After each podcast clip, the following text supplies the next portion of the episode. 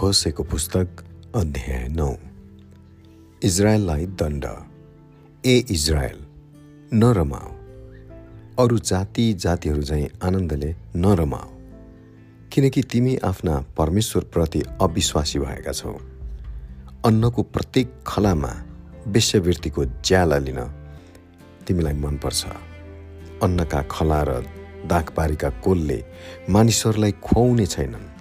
नयाँ दागमध्ये तिनीहरूका निम्ति अपुग हुनेछ। तिनीहरू परमप्रभुको देशमा बस्ने छैनन्। एफ्राइम मिश्र देशमा फर्किजानेछ र असुरमा अशुद्ध खानेकुरा खानेछ। तिनीहरूले परमप्रभुको सामु अर्धको रूपमा दाखमध्ये खनाउने छैनन्। न त तिनीहरूका बलिदानले उहाँ प्रसन्न हुनुहुन्छ। यस्ता बलिदानहरू तिनीहरूका लागि मरेकाहरूका निम्ति शोक गर्नेले रोटी झैँ हुनेछ। ती खाने सबै अशुद्ध हुनेछन्। यस्ता भोजन तिनीहरूका लागि आफ्नै लागि हुनेछ। त्यो परमप्रभुको मन्दिरमा आउने छैन। तिमीहरूका नियुक्त चाडहरूका दिन परमप्रभुका उत्साहका दिनमा तिमीहरू के गर्नेछौ? तिनीहरू सर्वनाशदेखि भागे तापनि मिश्र देशले तिनीहरूलाई बटुल्नेछ र मोपका मानिसहरूले तिमीहरूलाई गाड्नेछन्। तिनीहरूका चाँदीको धन सम्पत्ति काँडाधारीले पुर्नेछ। तिनीहरूका पालहरू काँडाका झाङहरूले भरिनेछन् दण्ड दिने दिनहरू नजिकै छन्।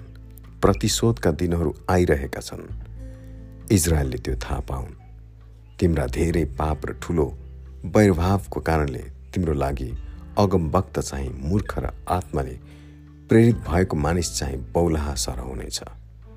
अगमवक्ता मेरा परमेश्वरको साथसाथै एफ्राइमको रखवाली गर्ने हो तापनि त्यसका सबै बाटोमा पासोहरू थापिएका छन् र त्यसका परमेश्वरको भवनमा त्यसप्रति दुश्मनी छ। गिवाका दिनमा चाहिँ तिनीहरू आफूले आफैलाई साह्रै भ्रष्ट पारेका छन्। परमेश्वरले तिनीहरूका अधर्मको सम्झना गर्नुहुनेछ। उहाँले तिनीहरूका पापको दण्ड दिनुहुनेछ। मैले इजरायललाई पाउनु चाहिँ उजाड स्थानमा दागमध्ये पाउनु बराबर थियो। मैले तिमीहरूका पिता पुर्खालाई देख्नु चाहिँ निवाराका अगौटे फल देख्नु बराबर थियो। तर जब तिनीहरू बाल पोरमा गए तब तिनीहरूले आफैलाई त्यस घिन लाग्दो मूर्तिमा अर्पण गरे र तिनीहरूले रुचाएको मूर्ति चाहिँ तिनीहरू घिन लाग्दा भए। एफ्राइमको गौरव पक्षी झैँ उडी जानेछ। तिनीहरूका न त कुनै जन्म न कुनै गर्भवास न गर्भधारण हुनेछ। तिनीहरूले छोराछोरी पाएर हुर्काए तापनि एउटै बालक पनि नरहने गरी म तिनीहरूलाई निसन्तान तुल्याउनेछु। हाय तिनीहरूलाई जब म तिनीहरूबाट फर्केर जानेछु मैले एफ्राइमलाई टुरोस जस्तै सुन्दर स्थलमा रोपेको देखेँ। तर एफ्राइमले आफ्नो छोराछोरीहरूलाई संहारको निम्ति डोर्याएर ल्याउनेछ। हे परमप्रभु तिनीहरूलाई दिनुहोस्। तपाईँ तिनीहरूलाई के दिनुहुन्छ? तिनीहरूको गर्व तुहोस्। र स्तन सुकिजाने होस्। गिलगालमा गरेका तिनीहरूका सारा खराबीको कारण मैले तिनीहरूलाई घृणा गरेँ।